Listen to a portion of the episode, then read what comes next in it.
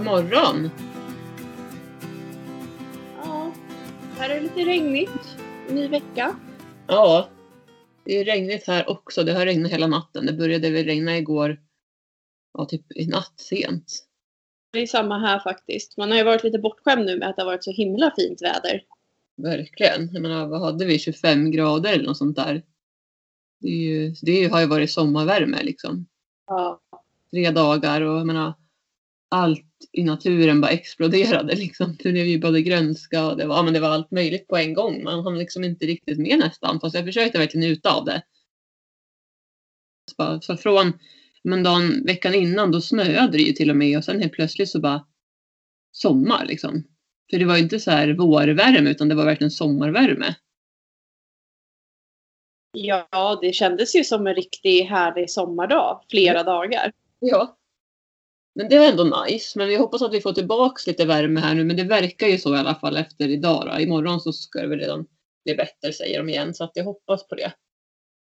Ja, det känns ändå skönt att det har varit så här runt 10 grader åtminstone nu när det har varit som kallast de här dagarna. Jag har eh, äntligen kunnat lägga undan mina vintertecken. Jag hoppas att de kan eh, få ligga i eh, förvar nu till när det blir kallare igen så att man inte behöver använda dem. Ja men vad skönt. Jag gjorde faktiskt samma sak igår. Men jag bara hängde undan dem så länge för jag behöver tvätta dem också innan jag verkligen lägger undan dem helt och hållet. Så att de hamnade inne i garaget bara för så här, som en mellanlandning innan, det blev, men jag kan tvätta dem. För vi har ju tyvärr ingen tvättmaskin som är bra för stora täcken så jag brukar faktiskt tvätta för hand och köra lite försiktigt med högtryckstvätten. Även om det kanske inte är jättebra så brukar jag göra det ändå. Eh, och det har funkat för mig. Så att, men det känns skönt i alla fall. För det har varit så mycket tecken liksom. Både tjockare vintertecken och övergångstecken och så har jag också haft regntecken framme och Gingis har eksemtecken så det blir mycket tecken. Även om eh, de inte har täcke supermycket så har, är det ändå tecken som man som jag i alla fall har framme liksom för att ja, i vissa, vissa dagar liksom så när det behövs. Mm. Ja, jag tycker det hänger tecken överallt hos mig. Ja, jag kan tänka mig det som har så många hästar också att det blir verkligen mycket. Där har jag faktiskt ett tips på täckesförvaring. Det är såna här dynlådor som jag köpt typ på Rusta eller ÖB brukar jag också kunna ha. Just det. Ja, lådor för eh, förvaring av sittdynor till typ utemöbler och så. De är jättebra att förvara tecken i. Så jag har ställt två stycken nere vid min eh, lösdrift vid vindskyddet. Jättesmart. Alltså det regnar inte in i dem heller direkt utan de står väl lite under tak där nere men det är ändå så att liksom lådorna får regn på sig men täckena håller sig torra inuti. Mm, jättesmart. Det var verkligen en bra idé. Jag har kommit på Mm. att jag har sett det hos dig men jag har inte tänkt på det så mycket. Men det är ju verkligen supersmart. Till exempel om man har hästar på bete kanske som jag nu som har haft Gingis på bete tidigare när jag har kunnat haft det och så har han eksemtecken och sen så kommer man dit, man ska kanske åka bort och så kommer man dit för att kolla till dem och så inser man att oj, här var täcket trasigt. Då skulle man kunna ha tecken lite på förvaring så att de finns nere vid hagen till och med. Kan man ju dra ner en sån där låda, Ja. binlåda. Så det är ett bra tips till många tror jag. ja men det är faktiskt något som funkar bra också att man får ut täckena utomhus för att Ja. det är alltså speciellt då jag som har tio hästar det, det går åt många täcken. Det underlättar om inte allt behöver förvaras inne i stallet hela tiden utan jag brukar liksom nu när jag har plockat undan vintertäcken till exempel för säsongen så lägger jag ner dem i en sån här dynlåda eh, så gott de får plats då. då. Mm. Men ändå att jag liksom då har ett gäng som ligger utanför stallet då i en sån här låda som får ligga där tills det är säsong igen. Mm.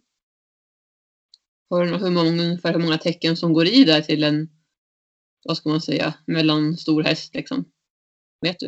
Eh, Ja, jag skulle säga nu har jag en låda med regntäcken i och då får jag i utan problem eh, ja, men 10 till 15 stycken beroende på om det är fodrade tecken också.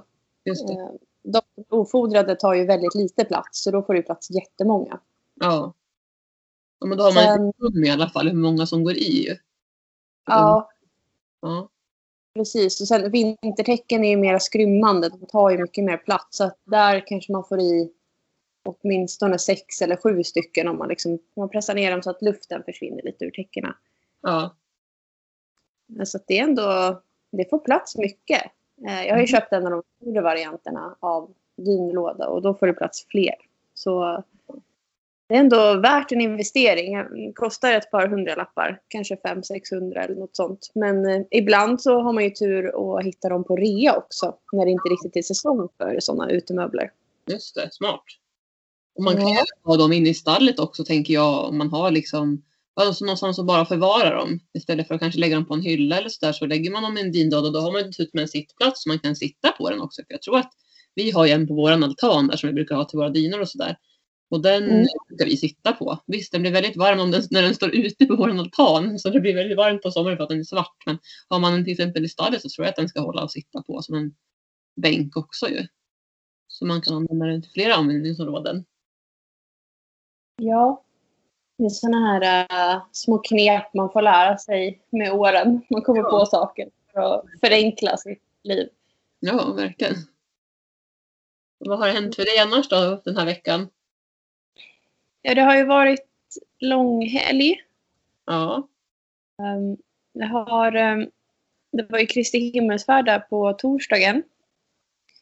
Och um, ja, jag kan väl säga att jag har ju jobbat jättemycket med olika lektioner och sånt i veckan. Men sen har jag även varit iväg med eh, min deklaration och min bokföring hos en revisor som hjälper mig. Eh, mm. Och jag har uppskov på min eh, redovisning av deklarationen så den behöver inte vara inne förrän i juni. Så att vi satt med det faktiskt nu i veckan som var. Ett par mm. timmar. Det tar ju sin tid med alla papper och allt man ska fixa. Verkligen.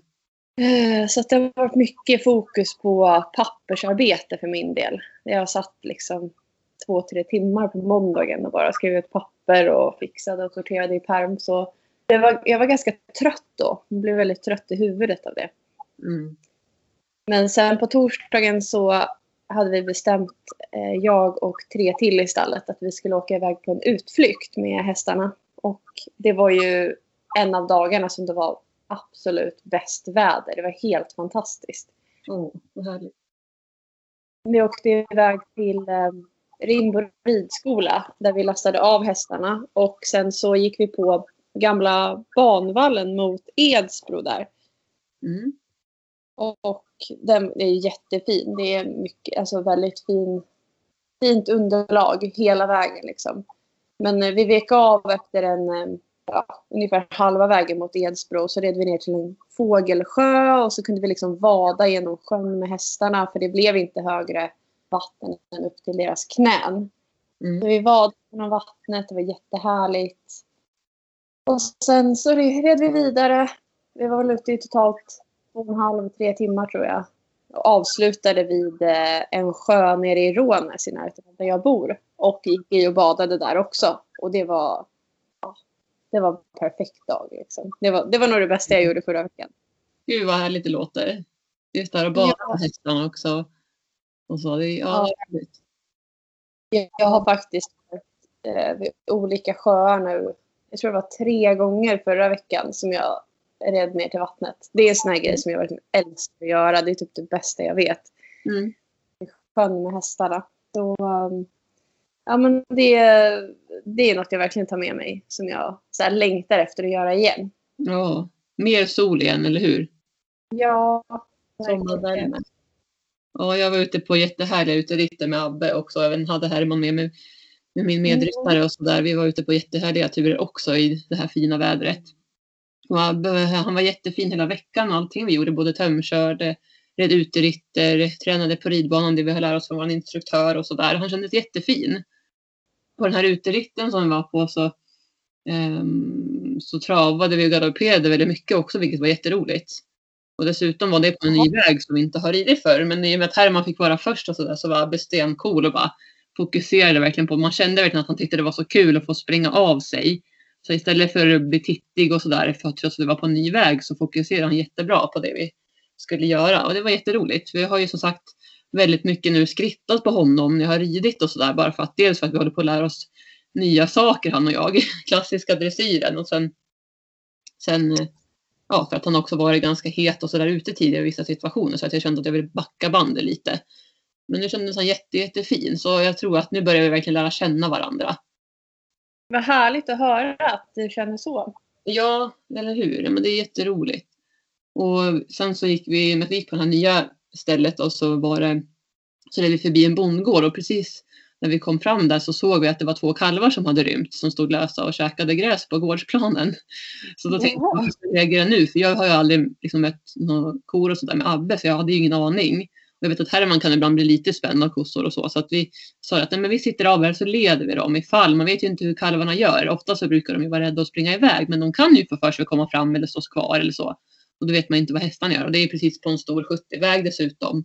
Eh, där. Och visserligen är det 50 förbi gården men ändå. Liksom, det är ändå mycket bilar också. Man vet ju aldrig. Det är ganska skymd sikt och kurvor och så. Så vi hoppade av. Men när vi, när vi närm, närmade oss så, började, så sprang ju kalvarna iväg då. Bakom, bakom en byggnad där och så ut på en äng. Så att hästarna var i stort sett obrydda. Abbe var faktiskt den som var lugnast. Så att han kanske har sett kossor förr i sitt liv. Jag har ingen aning men det kändes nästan som det. Eh, men apropå det så tänker jag att det är så bra att tänka på det här att vara steget före och försöka förutse vad som kan hända. Liksom. Så att man inte bara stressar upp sig själv i en sån situation att man faktiskt tänker vad är bäst att göra nu för min häst. Och jag tycker helst att det är bra att stå på marken i sånt fall så man inte behöver få sig en åktur eller om hästen blir jätterädd och får för sig att vända hem. Eh, att man ändå kan stå på marken och vara beredd att hålla, hålla ordentligt i tyglarna så har man ändå koll. Liksom. Man kan lugna hästen så. Eh, nej, men så det kändes bra att det gick bra i alla fall. Så det var en härlig förra vecka. Ja, jag tänkte på det där med galoppen också. Det var väl ett stort steg framåt för dig och Abbe. Ja, men verkligen. Att kunna vara ute och galoppera på uteritt. För jag kommer ihåg du berättade där för några veckor sedan att du hade varit med om något som du tyckte var lite obehagligt där med honom när du red ut själv. Ja, precis. Ja, han, han stack ju någon gång när vi red vid, vid Sommarhagen. Han fick någon sån här skenfason och bara brallade loss totalt liksom och stack iväg. Plus att sen även gjorde han någon liten på ridbanan efter att vi hade galopperat ganska mycket runt där. Men då vet jag att han blev rädd för någonting. Han blev rädd för ett hus i närheten där de stod och spolade en bil. Då igår fixade jag i sommar, eller fixade jag hagen hemma vid stallet och bara flyttade tråden lite och sådär, anpassade den lite bättre. Körde ju med eh, skruvdragaren och den tyckte han var jätteläskig också. Så den, då fick vi lite miljöträning där igår med skruvdragaren. så han är ju lite känslig för vissa ljud liksom. När det skrapar och låter och ja men ni vet så här. Vattenslangar och skruvdragare. Det verkar som att han tycker det är lite läskigt fortfarande. Så vi får jobba på det. Ja. Och sen hade han födelsedag i lördag så nu är Abbe sex år. Ja! Ja. Då fick han eh, någon tårta eller någonting. Han fick faktiskt inte det. Jag känner mig lite taskig men han fick en extra puss och kram och sådär. Vi var faktiskt borta också och åkte till min pappa i lördag så vi var inte hemma på, på dagen. Så de fick en liten vilodag alla tre hästarna den dagen. Men han verkade nöjd ändå tycker jag. Ja, det är härligt. Det jag har faktiskt också varit dålig på att ge dem tårtor när de fyller år. Utan det brukar vara lite extra eh, gratulationer och lite kramar och pussar på dem bara. Ja. Jag gjorde det jättemycket jag tårtor när jag var yngre. Så då var det alltid så. Det var liksom standard. Eh, Ja, Och jag har gjort det lite i vuxen ålder också. Men inte lika mycket. Det beror lite på vad man gör den dagen. Ja. Liksom. man hinner alltid med allt man vill göra. Nej, så är det ju. Ska vi ta och presentera en häst den här veckan? Det var länge sedan nu. Vi sa det, det är typ en månad sedan som vi presenterade en av våra hästar senast. Det var jättelänge sedan. Du har ju tre hästar kvar att presentera, eller hur? Ja, det har jag. Jag tänkte att idag så um, kan vi ta och presentera eh, mina två travare. Topover och Alwoods Joker. Ja, vad roligt att höra om dem. Ja, det är ju två av hästarna som, eh, som jag kanske inte pratar jättemycket om i podden. Just för att de inte... Men de går inte med så mycket i min verksamhet eller i distanstävlingarna så. Nej.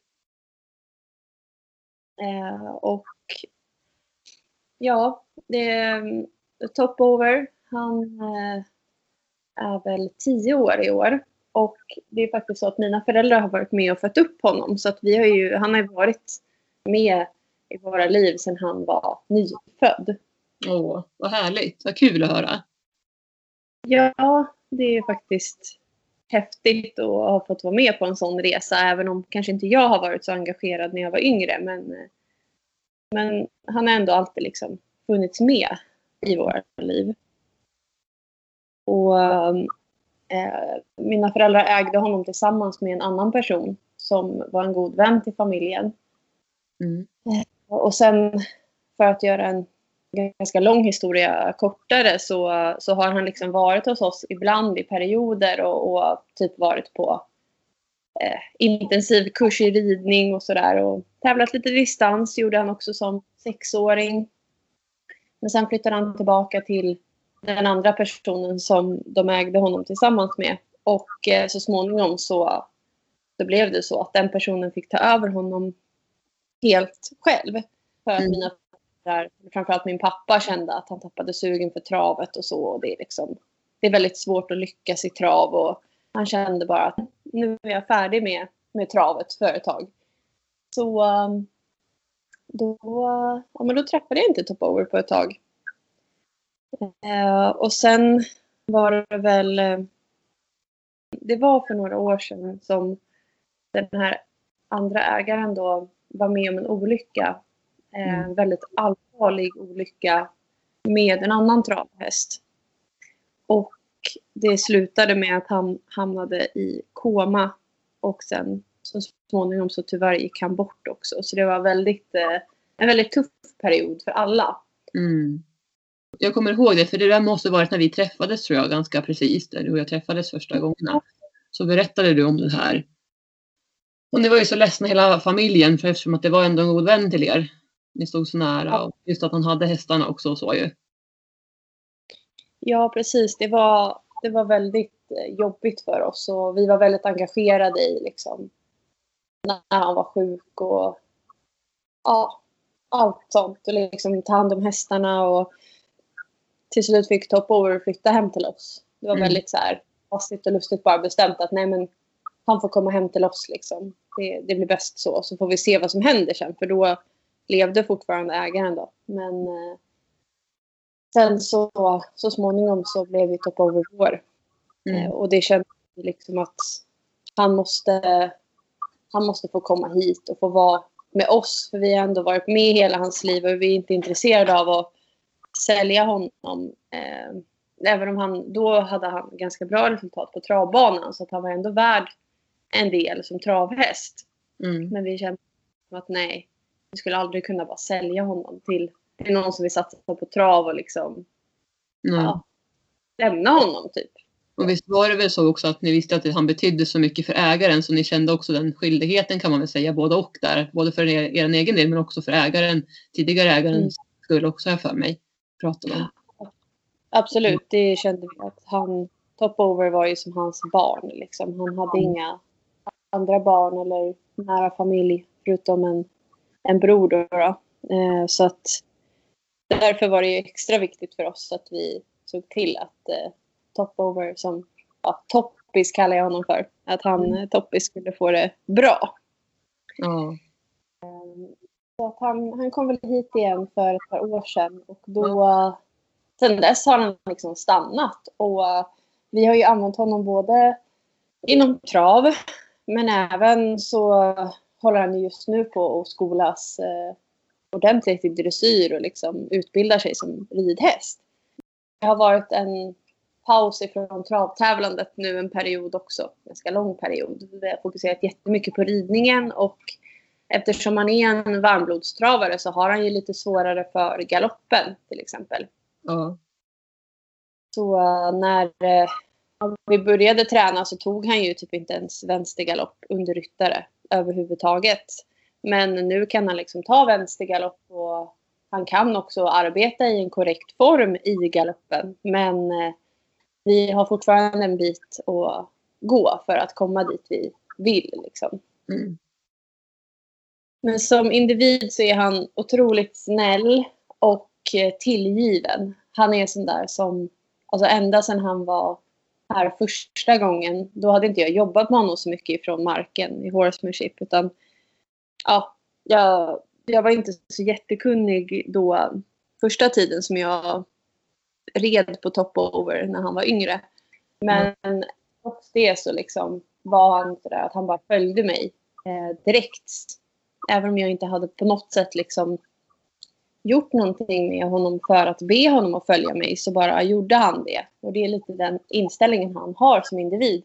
Att han vill, han vill vara med och han är som sagt väldigt vänlig. Mm.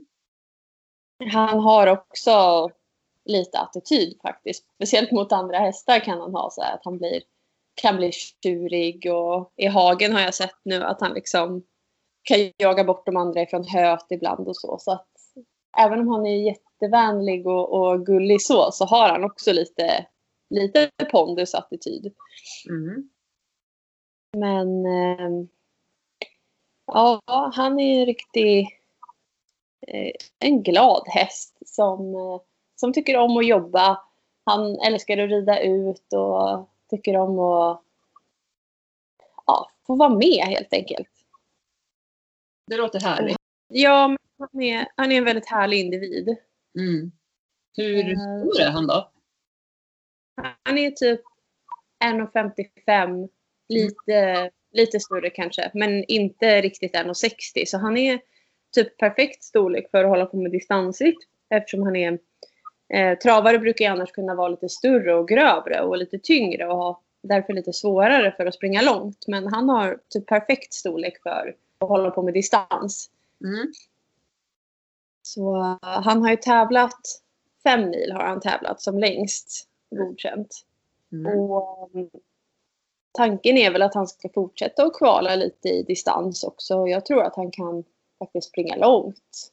Mm. Eh, han är byggd på ett väldigt bra sätt. Eh, jag har inte sagt att han är brun, men det är han. Han är brun och så har han en liten, det ser ut nästan som en blixt i pannan typ som Harry Potter. Ja. Ja, och sen har han en liten, ett litet vitt tecken nere på mulen också. Mm. Så han är väldigt söt och så har han extremt lång man. Det är verkligen, han har den längsta manen av alla mina hästar. Den, är, den går ner till bogen nästan. Eller det gör den. Ja, Mm. Så nästan i klass med Abbe tror jag, men inte riktigt lika tjock man. Nej. Abbe har ju lite mer fluffig man. Ja, han har mycket man, tjock och lång. Ja. Riktigt fluff. Det ser alltid så kul ut ibland för han, nu har inte han haft, han har inte haft flätor på, alltså i vintras, eller somras menar jag. Så att, eh, ja, han ser ut som ett riktigt rufs ibland. ja, men det är ju fint. ja, det är fint. Men det är som en topp, toppis också att eh, man behöver ju hålla efter den där manen liksom, så att vi flätar honom och Mm. försöker att inte slita så mycket på den utan hålla Ja. efter. Och um, jag tycker det är väldigt fint när de har sån där man. ja, det är det ju. Och, uh, tanken med honom är väl, vi får se nu. Eh, han har ju startat ett par gånger i trav förra året och så. Men eh, alltså, han är en otroligt bra travhäst. Alltså han har kapacitet, han är snabb. Han skulle kunna vinna och gå jättelångt. Men grejen är att han har inte vinnarskallen. Nej. Han, han tycker liksom... Han har vunnit några lopp. Det har han gjort. Men för det mesta så liksom på upploppet, han vill inte riktigt ta i. Han bara han springer och joggar liksom och så kommer han i mål och så är han inte riktigt andfådd. Så. Nej. Han tycker att det är lite roligare att springa monté med ryttare på ryggen. Men eh, att trava med sulky, det tror jag att han inte kommer göra något mer för att han tycker inte att det är kul. Han, nej, det är inte hans grej. Alltså han är en sån här... Pappa säger att det finns ett ord i travet som eh, i travsporten som heter eh, värmningsvinnare. Mhm. Och det är verkligen topover. Han eh, är den som i värmningen innan loppet ser ut som den solklara vinnaren. Jaha. Ja, det är liksom, han bara flyger fram liksom och visar upp sig och så här. Och sen i loppet så bara, nej. Är det Ferdinand eller? Ja, men lite så. Ja, Det är det sättet. Ja. Ja, så att vi får väl se lite vad, vad, som kommer, vad som kommer hända för honom framöver. Men eh, hur som helst så, så håller jag nu på att utbilda honom som sagt i ridningen och tanken är att han ska börja användas mer i min verksamhet framöver. Vad spännande. Men det känns ju som att ni gör mycket olika saker och jag tycker att där är det jättebra att liksom verkligen lyssna in till vad hästen tycker är roligt. Får man inte glömma. Ja, Ja. och han, eh, han har varit med på några lektioner med ryttare. Eh, sen, det är ju lite svårt om man inte är van vid att rida på en före detta travhäst. Att den, eller en häst som är travhäst också för den delen. Att de har ju mera... Du behöver rida ihop dem mer för att få galoppen till exempel. Mm. Att, eh, men jag tänker att samtidigt så är det väldigt bra att lära sig. Liksom, att man rider på olika hästar och alla, att alla kanske inte är jätteenkla. Så att jag tycker ändå att det kan, det kan bli bra att ha honom i en verksamhet. Liksom. Att har ett bra komplement ju. lära sig olika typer av hästar. Mm. Vi jobbar vidare med att få, få galoppen att sitta ordentligt på honom. Det är typ det sista vi vill liksom, eh, få till nu innan han ska få gå in och bli verksamhetshäst mer på, på mer tid. Mm. Och sen ska vi också hoppa honom lite mer. Eh, och han har faktiskt löshoppat en del med väldigt fin teknik. Så det tror jag kommer bli roligt att hoppa in honom under ryttare också. Mm, vad kul. Ja. Vad är det bästa med honom tycker du? Eh, Ja, det är nog ändå hans eh, personlighet. Han, alltså, han är så mild och liksom god sådär. Mm. Eh, han, kan, han är inte en sån...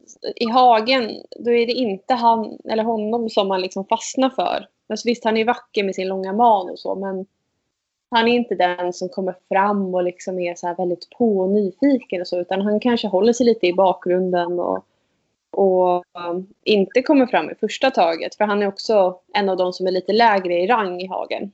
Ja. Men när man väl liksom kommer nära honom och, och umgås med honom, med honom och lär känna honom och se hans personlighet så ha, ser man att han är väldigt... men Han är en sån mjuk och härlig individ. Liksom. Man ser det i hans blick också. Mm. Vad skulle du säga är det mest utmanande då? Ja. Mm. Ja, vad, alltså, det, ja, jag kan väl säga att det som är mest frustrerande med honom det är ju just att man ser kapaciteten i honom när det gäller travtävlandet och att han inte har skallen. Det Mm. är frustrerande. Ehm, Så att det har ju liksom varit en, en utmaning länge. Och att man, man har liksom försökt prova sig fram med olika sätt för att se om det finns, om det liksom finns en nyckel till det här. Att han kanske ska tända till och bara vilja springa och vinna löp. Men det är liksom frustrerande att inte alltså, veta så här. Okej, har vi provat allt nu eller finns det någonting han skulle tycka var roligare? Ja, då har vi provat monté nu då med trav fast med ryttare på. Och det tycker han är roligare. Så att Ja. eh, det kan vi prova det lite mer. Det, det har ändå gått hyfsat bra när han har tävlat det. Mm. Så eh, ja, men som sagt, det, det kan vara frustrerande eh, att ha en häst som man ser kapaciteten i men som man inte riktigt kommer till rätta med ändå. Det kan jag verkligen förstå. Men eh, skam den som ger sig tänkte jag säga. Alltså det, återigen hitta det som han tycker är kul, som han kan bli motiverad av och som, som ni tycker är roligt. Sen kan Mm. det kan ju vara så att det ger sig med tiden också men samtidigt så, så har de ju en begränsad tid också på travet åldersmässigt och sådär ju. Hur gammal sa du att han var nu igen? Han är 10 så han får väl tävla ett par till. Jag tror att 14 är gränsen nu faktiskt för vallacker. Så, men vi får väl se. Alltså, eh, just nu så har vi ju tagit ett break ifrån eh, travtränandet. Och det är ju för att hans kompis då, Alwoods Joker, är skadad.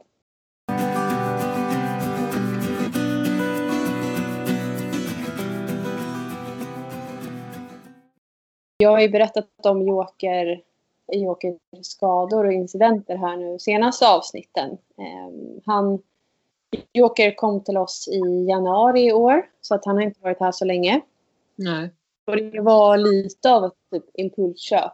Eh, jag, jag vet inte, vi hade åkt iväg en del på trav med Toppis och kände att det var väldigt kul. Och så kände jag att ja, men, kanske skulle skaffa en travhäst liksom vi i familjen. Så um, då köpte vi faktiskt Joker. Vi gick ihop alla fyra i familjen och köpte honom. Mm. Och ja, eller ändå ner lite mer pengar än vad vi brukar göra på, på en häst kanske. För vi, han var ju startklar liksom och vi behövde bara stärka upp honom lite grann kände vi i ridningen framförallt. Mm. Men eh, vi hann väl ha igång honom med två, tre månader innan han fick sin första sårskada där. Och den blev han ju halt av för att det blev infekterat och så fick han stå i sjukhage och besöka veterinären och sådär. Men sen då när den här skadan var läkt, då när han fick gå ut i vanlig hage igen, så var det första han gjorde bokstavligen att dra ett race och gå omkull på benet där han hade haft sårskadan. Och när han reser sig upp är han jättehalt. Mm. Uh vi tänkte liksom att ja, han kanske bara fick en smäll liksom, på en lårkaka. Det kan ju göra ont. Uh. Men eh, det visade sig sen efter ett par veckor. När vi, liksom, vi, hade, vi avvaktade ju först då för att se om det gav med sig. Men han blev ju svullen så småningom och då åkte vi in till veterinären, ultraljud och sådär och då visade det sig att han har en skada på ligamentet i hasen på det benet. Och det är ju en skada som tar väldigt lång tid att läka, flera månader. Så eh, ja, det var väldigt liksom tungt att få det beskedet. Och man kan ju också känna liksom bara, åh, varför skulle han dra det där racet när han väl hade läkt sin andra skada liksom. Och, att det är så surt när man precis har köpt en häst typ så bara går den och blir skadad hela tiden och vi har lagt väldigt mycket pengar på veterinärvård nu. Ja. Men eh, ja, det är liksom så det kan vara ibland och jag hoppas att han kommer läka och kan komma till start igen i trav. För det var ju det vi hade tänkt att han skulle hålla på med. Ja. Så uh, just nu så står han ju i sjukhage igen då och uh, ja, vi avvaktar och ser hur, hur hans skada artar sig, om han läker bra och sådär. Så får vi se vad, vad vi ska ha för behandlingsplan då. Men eh, tråkiga med travhästar är ju att eh, deras försäkring täcker ju inte hältor. Mm. Och hans förra skada var ju en sårskada så det gick på försäkringen. Och jag hade hoppats att den här skadan skulle vara täckas genom försäkringen eftersom att det var en olycka. Det var ju ingenting träningsrelaterat eller tävlingsrelaterat utan det var verkligen bara någonting som hände i hagen. Mm. Men tyvärr så ersätter ju inte försäkringsbolaget det här då. Så att mm. eh, det är ju tungt. Ja, så, gud så tråkigt. Så himla tidigt 2018 när ni har tillsammans gått och köpt en häst som ni ändå vill satsa på inom travet och så händer det här? Jo, det är verkligen. Och det är lätt att liksom börja tänka att ja, vi köpte honom för, eh, för en massa pengar och sen så första veterinärbesöket gick på 8000 för att försäkringsbolaget inte ersätter någonting. Och så börjar man liksom räkna på typ hur mycket pengar man har lagt ner på hästen, hur mycket han bara har kostat och inte mm kunna ge något tillbaka. Men så kan man inte tänka heller. Liksom, så vi får... Nej, alltså det blir ju ja, det blir bara ännu tråkigare tänkte jag säga. Man får göra återigen så bra man kan av situationen. Jag menar, ni har ju otroligt mycket kunskap själva och ni får hjälp av veterinärer. Även om det som sagt kostar nu då så får ni bara hoppas att han blir frisk och att han kan återgå till träningen så snart det går. Liksom. Och så får ja. han därifrån, tycker jag. Det är det vi hoppas på, att han ska kunna återhämta sig på bästa möjliga sätt och så småningom kunna börja tränas igen. Men det blir väl först tidigast kanske efter sommaren tänker jag så man kan köra igång med honom. Så att mm. ja, hela året blir väl bara rehab.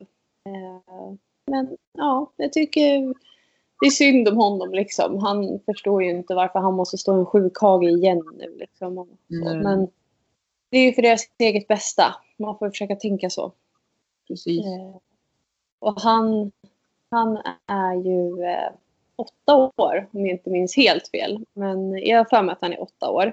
Mm. Och, eh, han är också brun, eh, men typ helt utan tecken, nästan bara pyttelite vitt i pannan. Och så är han lite större. Han är nog typ 1,65 men väldigt smäcker i modellen så att han, han är ändå lätt i kroppen liksom. Mm. Och det, jag- alltså det vi fastnade för när vi köpte honom var väl att han skulle vara så snäll och utifrån vad han berättade liksom att han var så snäll att köra och snäll att hålla på med och så. Och det Mm. kände vi ju när vi träffade honom första gången att han verkade vara en väldigt vänlig häst. Mm. Eh, Sen är han... Alltså han har mycket nerver i sig. Han blir lätt stressad och orolig och liksom går upp i varv. Så det är någonting vi behöver jobba mer med. Men det är också något vi inte kan jobba med så mycket just nu. För att nu får han ju bara vila liksom. Ja. Eh, han har verkligen en sån personlighet där han... Han är ganska lik Orus av mina andra hästar. Att han liksom är ja, men, känslig och väldigt snäll och typ tror att det är han som gör fel om det är någonting som inte går som planerat. Just det. Så Mm. Man, får, man får väldigt noga med att han eh, ja, men att man är lugn och trygg. Finns där för honom. För han vill, han vill ha en trygghet hos sina människor. Vad skulle du säga är det bästa med, med honom? Ja, så här långt då. Det känns ju som att han egentligen har varit här mycket längre. Men eh, han har ju bara varit här typ i fyra månader eller något sånt. Ja. Så jag har inte lärt känna honom jättebra. Men eh, jag skulle väl säga att eh, jag gillar hans... Om man utgår ifrån så träning och, och ridning och så, så gillar jag verkligen hans modell. Att han är... Han rör sig väldigt trevligt. Eh, han har fina, fint steg och han är väldigt trevlig att rida på. För att han är så arbetsvillig. Och det är väl återigen det här med personligheten som jag pratade om med Toppis också. Att, att jag tycker om Jokers personlighet väldigt mycket. Att han, någon, alltså, han är väldigt fin och lyhörd och som sagt känslig och försiktig och eh, snäll. Men samtidigt så kan man se att det finns lite så här jädra anamma i honom också. Mhm. Och det har ju han faktiskt visat på travbanan också för att han, eh, han har ju vunnit. Sist han startade, det var faktiskt ok- oktober förra året och då vann han. Um, Alltså han har ju riktig vinnarskalle som det verkar och det har man märkt när man tränar honom också. Att han Mm. tar och han verkligen vill. Mm. Han har vilja av stål liksom och det, det tycker jag är en häftig grej också med honom. Mm. Han är så viljestark. Det är nog det, ja, men det häftigaste med honom. Att han är så... Alltså det finns liksom två sidor av myntet. Ja. Om man säger så. Och då om man jämför mot Toppis så, så har ju då Joker mer vinnarskalle om man säger. Som då Toppis inte har. Även om, även om Toppis är väldigt duktig så, så har han ju då en häst här nu som, som vill vinna liksom. Som har kapaciteten. Mm. Ja. Ja. Det Ja. verkar som det i alla fall. Ja. Ja, vad spännande. Men vad är det utmanande då? Med Joker? Det skulle jag väl säga då om jag liksom... Skadorna kan ju inte... Det är inte hans fel liksom. Så, så att Mm.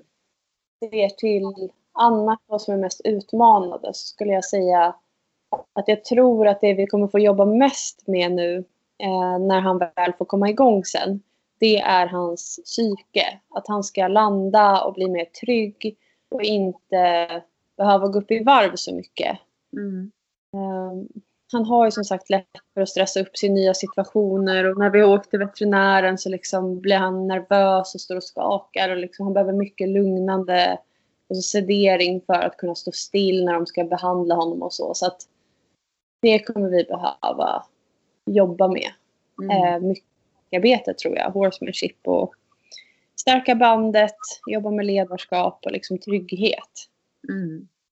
Så får man det att funka och han läker ordentligt för, från sin skada, då tror jag att han är en jätte, jättebra tävlingshäst. Mm. I trav. Och Det jag tänker nu, nu är han ju skadad och ska förstås vila, men jag tänker att det här lite miljöträning och jobba lite med det mentala, det kan ni ju säkert göra ändå inne vid din rundkorall lite försiktigt, eller hur, hur är det? Kan ni göra någonting? Ja, Det får inte bli att han blir väldigt skrämd och springer liksom, men att man verkligen tar det lugnt och som du säger, att man är lugn och tydlig och liksom känner in hans gräns och jobbar därifrån så att det inte blir för mycket liksom, att han ändå kan vara lugn i det ni tränar. Det är, det är någonting som ni kan göra då, tänker jag, under hans rehabilitering. ja, det har jag faktiskt också tänkt. Att eh, nu ska han ju bara vila. Men eh, när han har kommit lite längre fram i rehaben så tror jag också att vi kommer kunna göra lite övningar i skritt och alltså bara det här med att leda hästen. Eh, Ja. backa honom, liksom, gå framåt, stanna och sådana enkla saker kommer han ju ha nytta av. Som vi kommer kunna börja med mycket tidigare än den andra träningen också. Mm. Och jag märker till exempel på Abbe nu den här tiden, han har ju varit här, vad blir det, tio månader snart är det väl. Eh, och han har ju blivit mycket, mycket lugnare. Han har ju nästan blivit en annan häst. Man känner att han har blivit Mm. Och jag tänker också att det kan ju vara samma för Joakim, men han har ändå inte varit hos er så länge och det är ändå många hästar också hos er på gården och det är mycket liksom för honom förstås. Och, eh, så att han kan ju bli lugnare bara av det, att få, få vara hos er under en längre tid framöver och också inget ont som inte får något gott med sig. I och med att han också får gå i sjukhage så kanske han också lär sig att han blir lugnare om man ska säga. Mm. Det är nyttigt också på det sättet. Ja, jag tror också att de lär sig. Nu är han ju tvungen att liksom dels vänja sig lite vid att vara själv. För att han Mm. får ju stå ensam i sin sjukhage. Även om den är, den är inuti min andra hage. Så att de andra kan ju stå precis utanför hans stängsel liksom. Och de, kan, de når varandra och så. Men han är ändå han är utlämnad lite till sig själv. Och det tycker inte han om så mycket. Så att han får ju verkligen träna på att hantera det. Hantera sina känslor själv också. Just. Det tror jag är jättenyttigt för honom. Verkligen. Och det är genom att ni börjar som du säger att han är med de andra hästarna i närheten. Men han har ändå sig, han har ändå sig själv att tänka på när han går själv i en hage. Så Ja. Det, det blir ju en träning. Men jag har ju, Abbe är ju fortfarande själv, han går ju själv i hage fast han går ju precis bredvid Herman och Gingis. Så de når ju varandra. Eh, Men han Ja. går fortfarande själv. Och jag menar, eh, nu vet inte jag riktigt hur han var innan och sådär. Men nu är ju inte han van att gå direkt med andra hästar förrän ganska långt tillbaka i tiden när han var ung häst. Liksom, eller yngre rättare sagt. Så att, men jag märker ju ändå att han, han har inga problem med att vara själv. Jag kan ta in honom själv i stallet, jag kan rida ut själv. Han är nästan mer åt andra hållet, att han kan vara mer stressad med andra. Men han verkar ta det rätt bra också. Så att jag menar, det handlar bara om att hästen måste få tid. Att man inte ska stressa fram. Och låta dem få tid och, och, och vänja sig och lugna ner sig. Och alla situationer, oavsett stora som små, hjälper ju hästen att faktiskt ja, med det de behöver träna på, tänker jag. Ja. Det, så är det verkligen. Mm. Alla de utsätts för är ju sånt de får eh, träningseffekt av så småningom. På Mm. ett eller annat. Ja, men vad spännande att höra om, om era travhästar. Ehm, jag tänker att det kanske säkert var en hel del som har frågor och sådär. Om just rasen. Kanske inom travsporten också. Ehm, kanske också även om skador förstås. Det är bara att ni hör av er till oss på våran podd. Ja. Eh, och som ni, ni som har lyssnat länge vet ju att både jag och Marie är vana vid att motgångar kommer. Ja. Ja, alltså det, här med, med veterinärbesök är både du och jag vana med vid det här laget. Så att det, det har man lite erfarenhet av. Men som sagt, man blir, man blir eh, starkare av det också. Och lär man får säga att man lär sig saker på det. Det är ju verkligen någonting man har fått eh, erfarenhet av nu. Att man kan bli starkare av det man går igenom också. Även om man kanske till en början blir svag av det. Så småningom stärks man. Ja. Ska vi säga så för den här veckan? Ja, men vi gör det tycker jag. Ja. På återseende då. Alla får ha en jättefin vecka nu här framöver. Ha det så bra. Kram, kram.